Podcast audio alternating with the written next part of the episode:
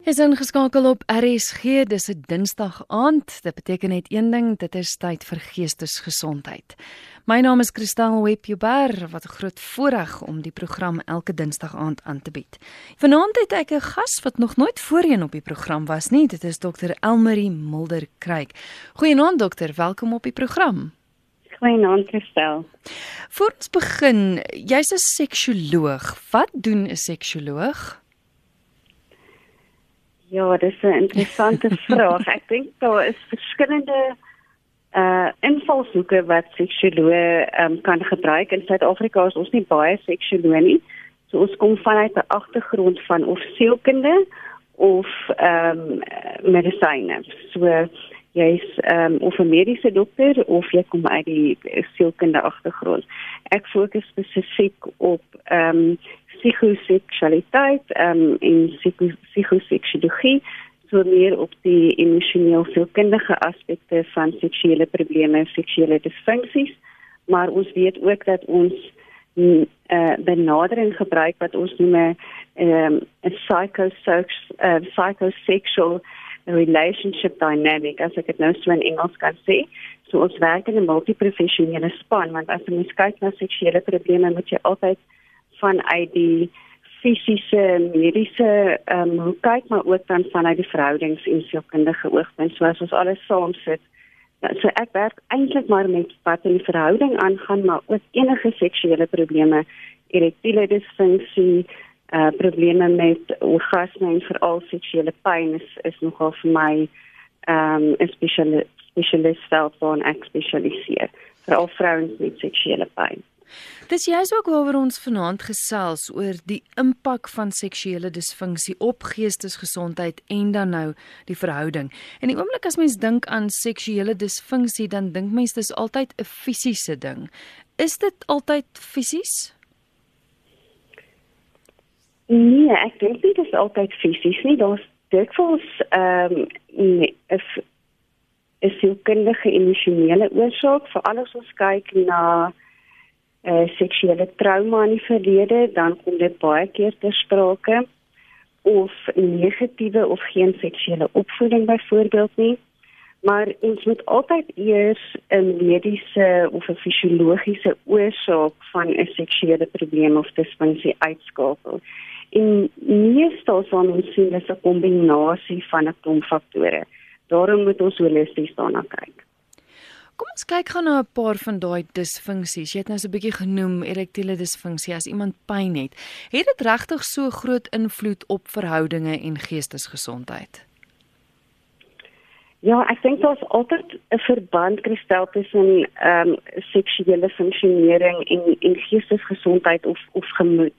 Het sy dit is jou emosioneel of sielkundige welstand en gesondheid wat ehm um, jou verhouding um, of 'n impak op jou verhouding het.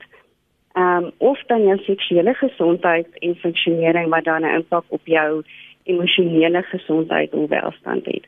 So die die twee goed gaan maar hand aan hand. Ek dink as mense met ons weet ons is kompleks, ons kan nie net ehm um, sien ons ons fokus net op een deel van ons menswees nie. Ehm um, so as ons kyk na uh geestesgesondheid spesifiek en ons kyk na of of kom ons kom ons fokus eers op seksuele disfunksies. As ons kyk na die vrou spesifiek, dit is hipoaktiewe seksuele begeerte en ek dink dit sien ek baie in my praktyk waar vroue sê maar ek ek het net nie 'n behoefte aan seks nie. Ek is net nie lus nie. Ek hoor dit was jy weet as ek nooit meer my lewe hoef seks te hê nie, is dit gou. Jy weet dan dan kyk mense en sê wat is moontlike oorsake?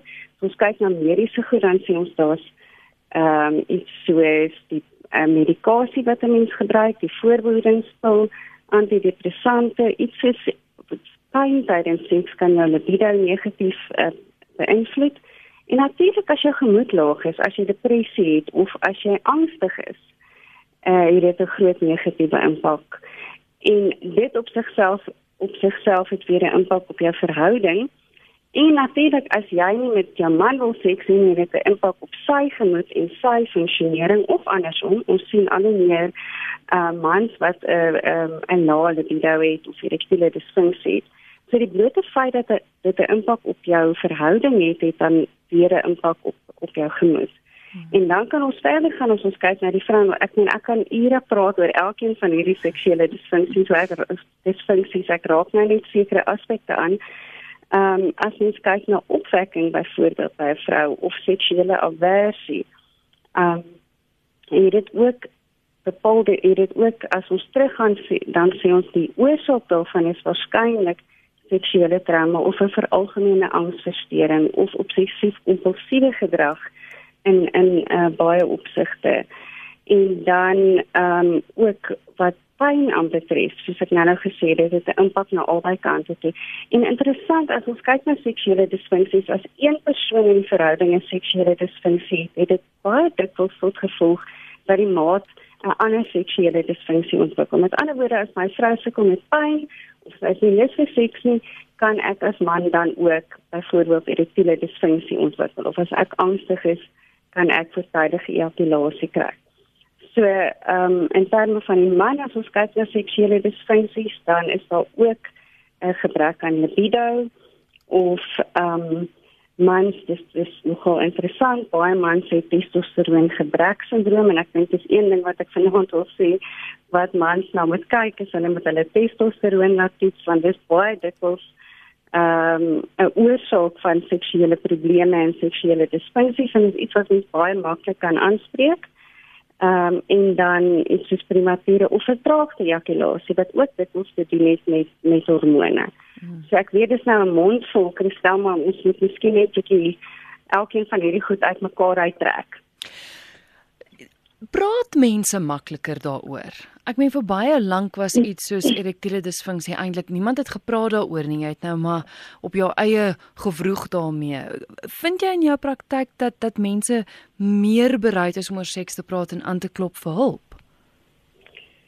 Ja, ek dink jy weet as ek dink hoe dit 20 jaar terug was en hoe dit nou is, is dit is dit baie anders. Ek dink van dat Viagra, jy weet, omtrent nog vir oor 20 jaar terug op die mark gekom het, het dit amper dit makliker gemaak vir mense om om daaroor te praat. Hmm. En ehm um, ek dink vandag, jy weet, omdat daar so baie inligting beskikbaar is en jy weet, ons praat oor die radio daaroor en in tydskrifte, is dit vir mense meer gemaklik. Ehm um, so ja, ek ek dink so en ek dink staan sien ek ook dis dit voel vir my dis makliker vir mans om ook te kom aanklop vir hulp, jy weet, op hulle eie. So. Wat ek dink nogal goed is. Ja. Hmm. Ek weet die volgende vraag pas nou nie heeltemal in my vanaand se tema nie, maar ek dink dit is tog iets wat jy wat jy die luisteraar mee kan help. Hy sê vir interessantheid wil ek weet, as 'n seksverslaafde opgeneem word vir rehabilitasie, hoe word hulle behandel sodat hulle nie seksverslaafdes is nie? Of hoe weet mens jy is verslaaf daaraan. Wat is die tekens? Want dit is 'n klomp vrae in een. Ek dink kom ons begin eers by hoe sou mens weet as jy verslaaf is aan seks? Ja, ek dink seksverslawing enigiets rondom seksverslawing, pornografie en so voort, is wat ons noem 'n prosesverslawing.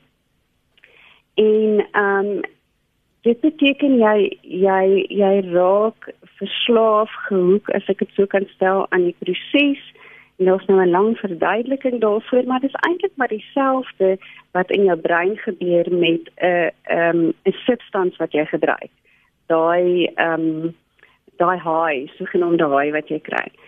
So om te sê wat is die die ehm um, tekens daarvan? Hoe kan jy daarvoor uitkyk? Is die oomblik as jy weet of besef dat my ek het nie beheer oor my gedrag nie wat dit dan nou ook al is. Ek het nie beheer oor ek sê ek wil ophou, ek sê ek wil nie meer na sekswerkers toe gaan nie, ek wil nie meer ehm um, cyberseks sien nie, ek wil nie meer pornografie kyk nie, maar ek het nie beheer daaroor nie. Of dit beïnvloed jou daaglikse funksionering tot so 'n mate dat dit 'n negatiewe impak het. Dit beïnvloed jou verhouding, jy sit met skuld en skaamte rondom dit. So dit is gewoonlik vir mense tekens dat dat daar regtig 'n probleem is. En in meeste gevalle moet 'n mens gaan na 'n terapeut wat spesialiseer hierin en of dan opgeneem word by 'n 'n hospitaal, 'n 'n rehabilitasiesentrum en gewoonlik wees daar is 'n hospitaal, 'n psigiatriese hospitaal wat ook spesialiseer daarin. Ek dink mense moet versigtig wees om sommer net na enige plek toe te gaan wat sê jy weet ehm um, daar's daar's mense wat hier 'n soortgelyke proses is en daarom kan hulle mense help. Ongelukkig sien ons eers dat dit dit vir mense nogal addisionele probleme skep. Hmm. So as ons kyk na hoe dit behandel word, dan praat ons van 'n multiprofessionele span, ons praat van medikasie, ons praat van ehm um, sielkundige behandeling en ehm um, selfs jy weet hipnoterapie om terug te gaan na wat is die oorsaak? Want gewoonlik is daar uh, wat ons noem 'n trauma bond. Met ander woorde dit dit gaan terug na een of ander seer iewers ter een of ander wond. Ehm um, en 'n mens probeer nou vandag daai daai ehm um, wond genees of daai storie herskryf met jou gedrag nou maar dit is alles onbewuslik. Dit dit lê op die onbewuste vlak As mens kyk na die behandeling, um, as mens dit vergelyk met ander tipe verslawings, ek sê nou maar jy is verslaaf aan drank. Die doel is tog dat jy op die ou en heeltemal ophou drink. Beteken dit dan as jy vir seksverslawing behandel word dat jy dan nooit weer in jou lewe seks sal hê nie?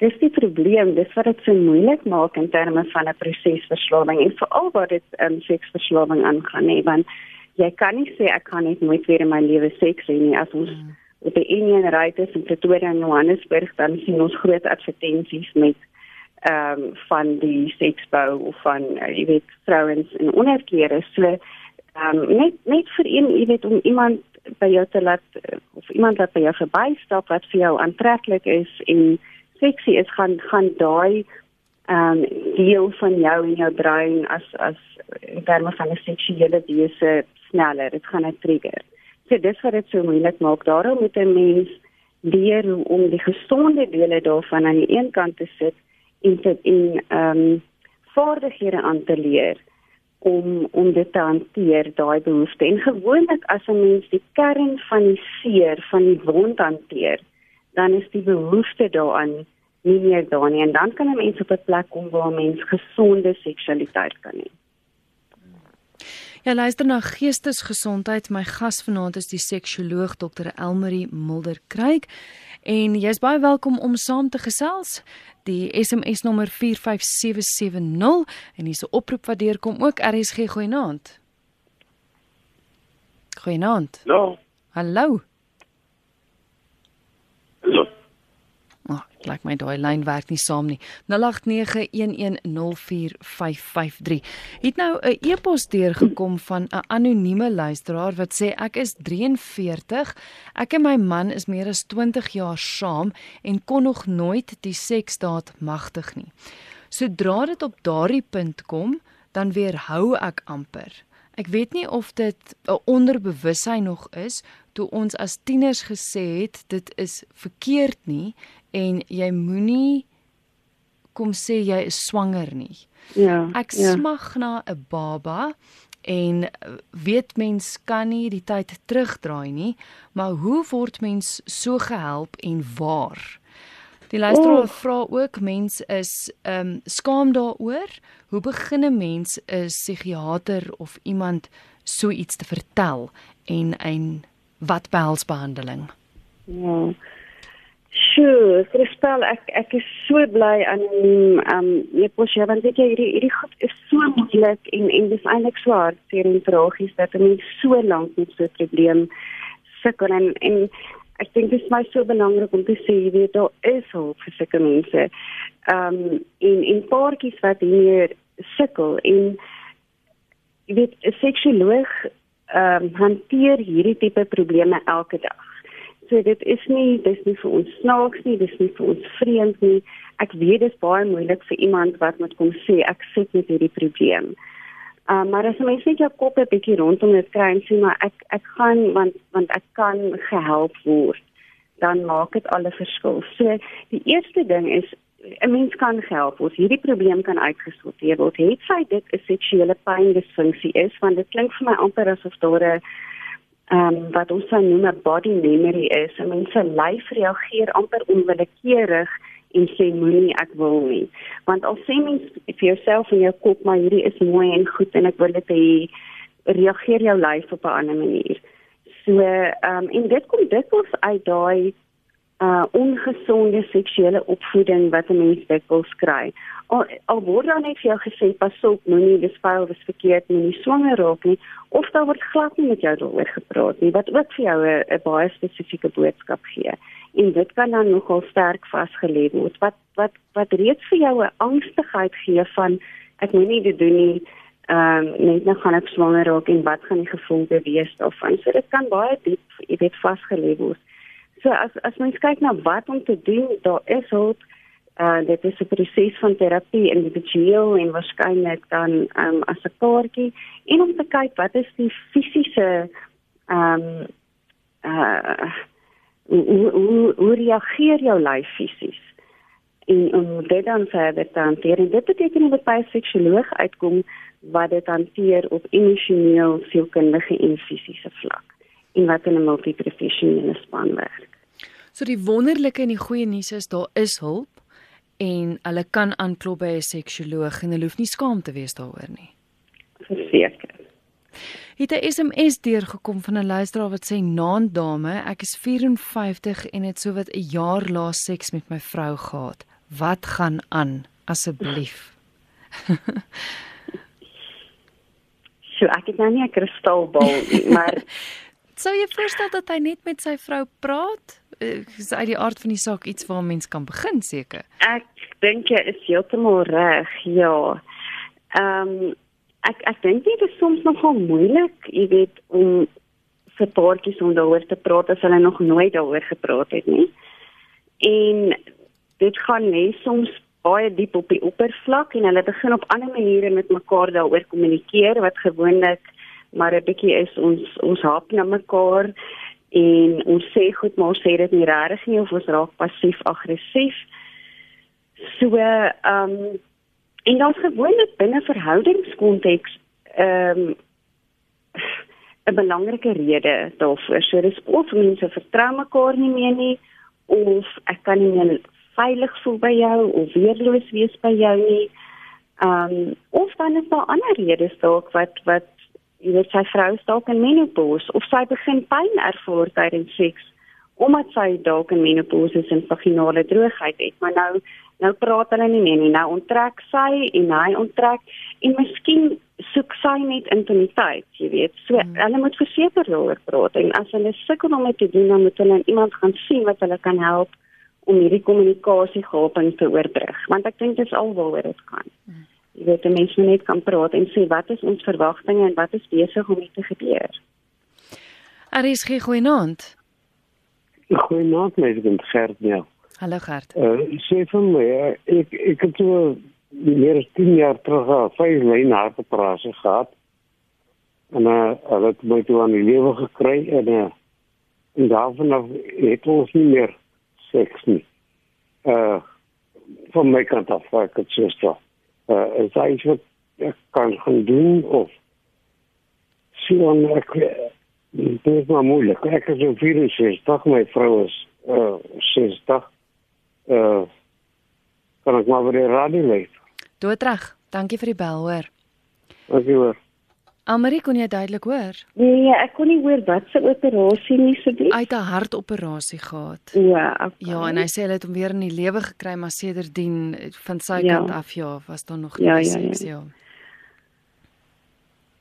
Ehm um, ek dink die belangrike is om te sê dat wanneer daar hart ehm um, 'n siekte of hartprobleme is, gaan 'n mens dikwels sukkel met erektiele disfunksie. Daarom wanneer 'n man erektiele disfunksie het, moet hy weet hy moet nie skaam wees daaroor nie, hy moet met 'n seksuoloog of sy dokter praat, want dit is gewoonlik 'n aanduiding of dit kan 'n aanduiding wees van 'n ernstige hart insident of 'n um, hartaanval of probleem binne 3 tot 5 jaar.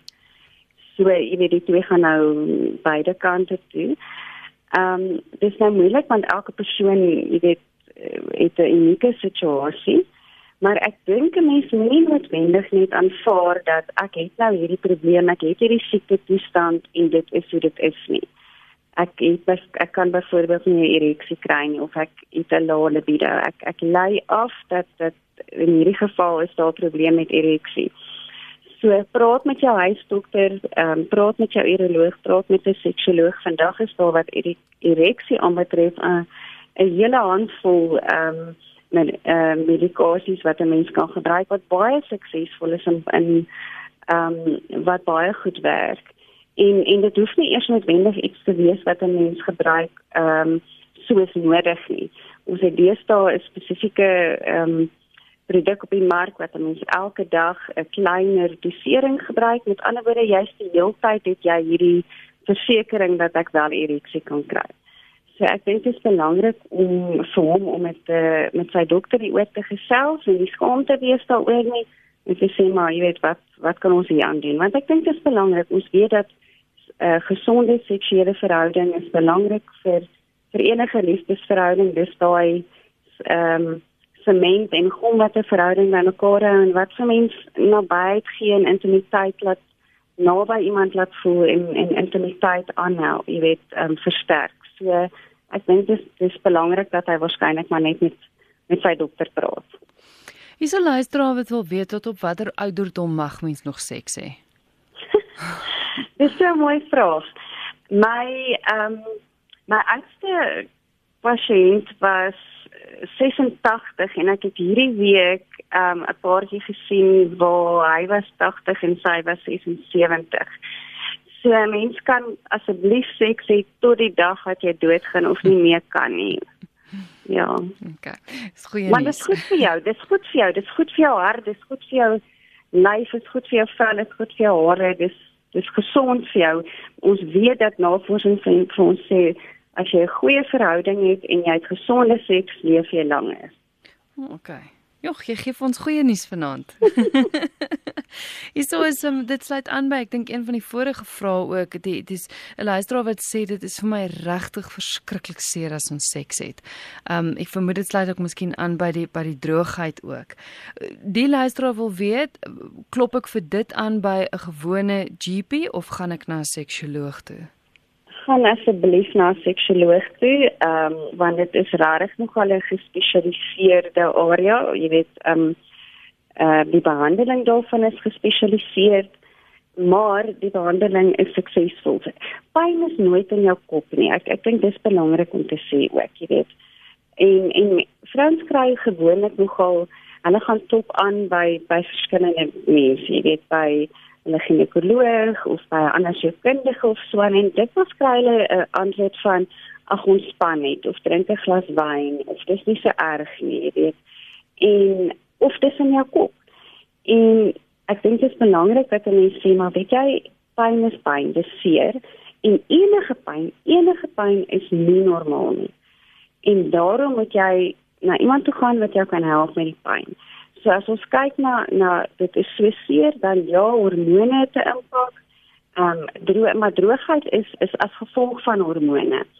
En ehm um, daar's 'n hele lang lys van seksuele pyndiensfunksies. Van 'n uh, eh, vaginisme wat wat op verskillende vlakke beteken dat soms kan kan penetrasie glad nie plaasvind nie ehm um, jy weet disparemie, vestibulêre pynsindroom, bulbatinia, pudendale neuralgie, so kan ek aanhou en ek noem hierdie name dat mense verstaan en hoor daar's name daarvoor en as daar 'n naam is en 'n diagnose is, is daar behandeling. So asseblief gaan soek hulp.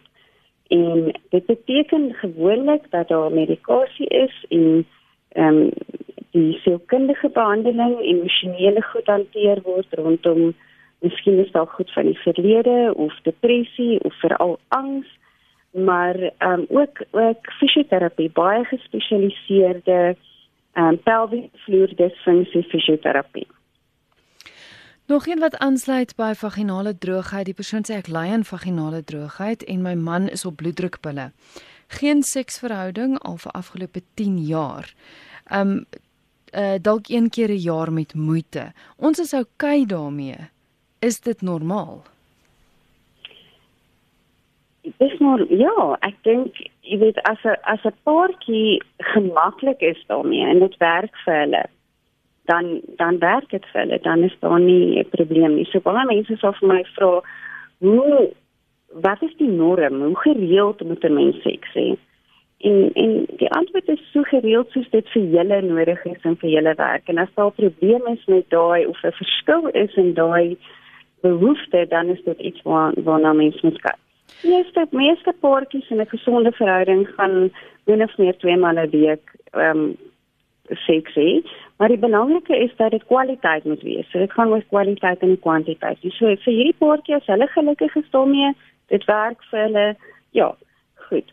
Maar weer eens vaginale droogheid kan 'n mens behandel. Ehm um, dis belangrik om as 'n mens nie kondoom nodig het nie, 'n uh, ehm um, 'n silikoon gebaseerde smeermiddel te gebruik en daar's nie baie van hulle op die mark nie, maar jy weet ehm um, as jy 'n goeie seksuoloog vra of e-pos dan kan hulle vir jou ehm um, maklik sê waar om dit in die hande te kry, so silikoon en en weer eens, jy weet as ereksie probleme kan 'n mens dit hanteer. So, maar seks is nie die die die kern van intimiteit nie. Dit gaan oor oor koestering en aanraking en sensualiteit.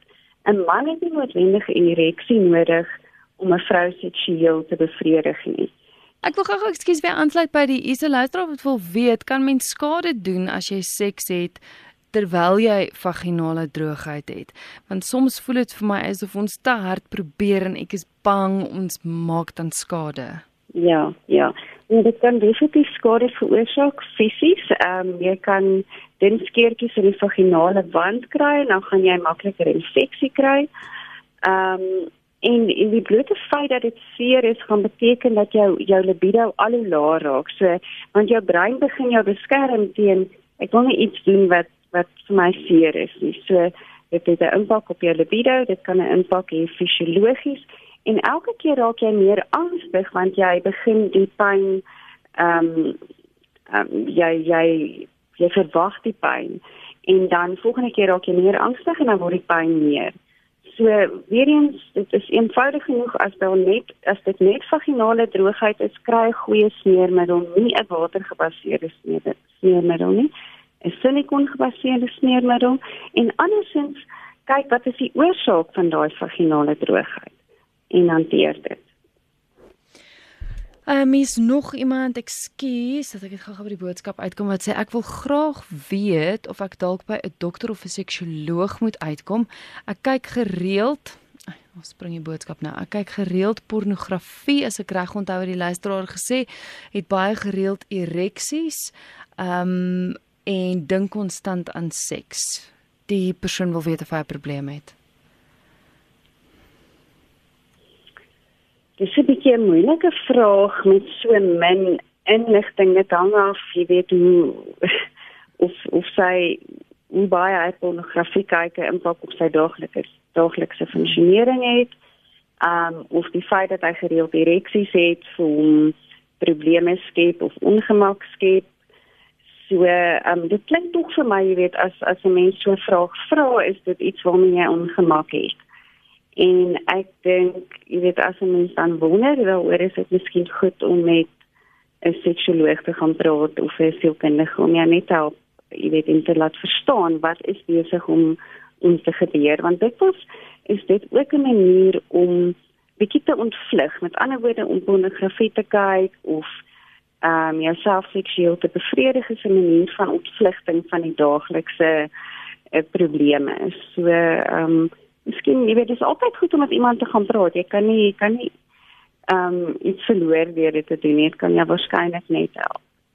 Is 'n hele paar luisteraars wil een wat sê 44, ek het nog nooit seks gehad nie en ander luisteraar wat sê ek is 66 en het ek nog nooit seks gehad nie, ek is 'n maagd. En beide klink dit my is nuuskierig. Die een wil nie met met prostitusie prostitusie prostatiete seks hê nie, maar hulle wil eksperimenteer. Hoe is daar 'n gesonde manier om dit te doen? Maak ek nou sin? Uh, ja, ek ek dink dit is dit is nog 'n moeilike vraag want baie mense sal sê hulle is nie dit gemaklik om na sekswerkers toe te gaan nie in Suid-Afrika het ons nie het ons nie ehm um, ehm um, seksueel seksuele surrogate soos soos in in ander lande nie. So ehm um, ek sou ek sou wonder jy weet of mense nie met iemand moet gaan praat om te sê hoe hoe mm. hoe maak ek myself oop vir 'n verhouding? Ehm um, in in afgesien nou van jouself tevredig en seksuele hulpmiddels te gebruik. Maar maar hoe kan ek dalk in 'n in 'n 'n situasie kom waar ek met ehm um, met 'n maat ehm um, jy weet kan begin eksperimenteer waar ek gemaklik voel nie. Jy weet so so daar is sulke opsies, maar ek dink 'n mens moet vir jouself gaan vra, jy weet wat is dit wat my weerhou daarvan en dis waarskynlik hmm. 'n bietjie onsekerheid en angstigheid en en so aan. So, Anoniem sê sodra ek 'n kondoom aansit, tree erektiele disfunksie by my in. Mm. Gesondheid is uitstekend. Ek gebruik geen medikasie nie. Hoegenaamd nie. Ek is 65 jaar oud. Bloeddruk is uitstekend. Viagra help nie. Help asseblief. Dit is dit is wat ons noem waarskynlik psigogene erektiele disfunksie. So die oomblik as 'n mens dan 'n kondoom aansit, dan verloor jy soort van die fokus en die en die uh, arousal uh, um in ons so ehm um, en natuurlik is die sensasie soveel minder as 'n mens 'n kondoom gebruik. Daarom stel ons baie dikwels voor vir 'n man wat erektiele dis ag wat voortydige ejakulasie het om 'n kondoom te gebruik, want die sensasie is minder. So ek dink dit het te doen met die die die tydperk um, wat 'n mens die moet gebruik om 'n kondoom aan te sit wat mens fokus verloor en hoe ouer mens is, jy weet op daai tipe ouderdom het jy baie meer direkte op die penis stimulasie nodig as wat jy jonger is om 'n ereksie te hou. So dit is waarskynlik 'n kombinasie van daai twee uh faktore. So ek dink as 'n mens gemakliker voel met met jou maat um in in die essentialiteit en liefdespel kan langer aanhou en jy nie hierdie druk op jouself sit om hier eksie te hou nie maar nou begin presteringsangs ook intree dat ek verwag nou of ek is nou bang dat ek my ereksie gaan verloor en dan verloor ek hom. So mens gaan maar 'n bietjie na al daai goed met kyk. Um dan behoort dit van self uit te sorteer. Want die feit dat dat dat um uh iets soos Viagra nie werk nie, gaan dit waarskynlik daar of sê waarskynlik vir ons dit is meer 'n emosioneel sielkundige onderwerp. Henk sê ek is al 27 jaar geskei en ek bevredig myself deur te masturbeer. Is min wat ek seks het met 'n vrou, is dit ook gesond om te masturbeer? Ja, nee, dit is verseker. Ek dink dit is dis 'n algemeen aanvaarde en gesonde alternatief.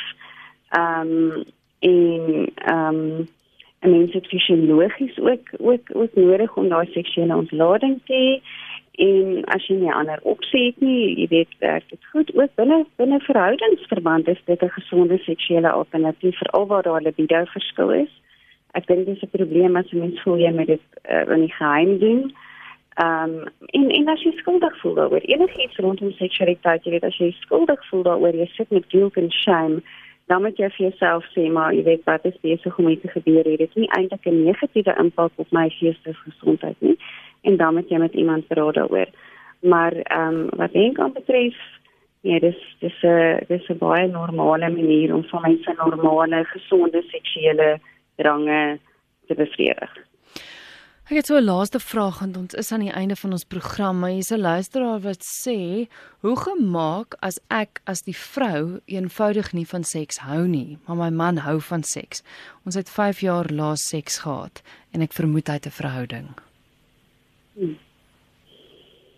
Daar's daar's daar's twee antwoorde hier. Die een is dat dit moontlik iets te doen het met 'n seksuele aversie van ek hou regtig niks van van seks nie. Ek wil nie iemand met naweek kom nie met ander woorde ek het aversie daarvoor.